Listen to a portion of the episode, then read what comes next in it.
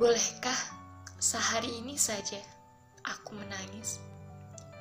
Sebuah narasi karya Firsa Besari.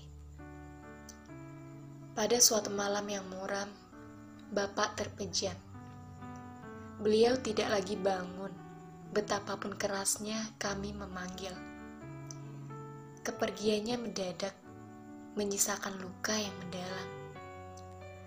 Kami sangat terpukul, apalagi ibu mengetahui setengah jiwanya tak akan kembali. Ada jeda panjang yang tersisa, hening yang merenggut segala ceria.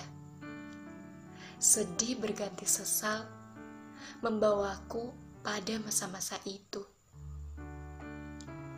Aku menyesal betapa aku tidak pernah cukup menunjukkan rasa hormat. Betapa aku terlalu sibuk untuk ibadah berjamaah dengannya. Betapa aku selalu menghindar saat beliau butuh teman cerita. Betapa aku tidak pernah tahu beratnya sakit yang beliau bawa. Padahal Bapaklah yang berjuang sekuat tenaga agar aku mampu bersekolah setinggi aku bisa. Bapak yang banyak membunuh mimpi-mimpinya hanya agar kami bahagia. Sebersit kerinduan bersemi di hatiku yang hancur berantakan. Aku rindu Bapak. Aku rindu melihat beliau bercanda dengan ibu Aku rindu melihat beliau menasihati adikku. Aku rindu mendengar beliau bercerita mengenai hidupnya. Aku rindu mendengar syahdunya ayat suci yang terlantun dari bibirnya. Bolehkah sehari ini saja aku menangis? Dan kini kusadari, mengenang adalah pekerjaan yang menyakitkan. Terutama jika yang kita kenang adalah seseorang yang teramat sangat kita sayangi dan tidak bisa lagi kita temui.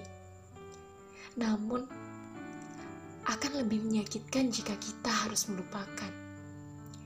Karena Bapak pernah bilang, seseorang tidak pernah benar-benar pergi selama kita masih menyimpannya di dalam hati.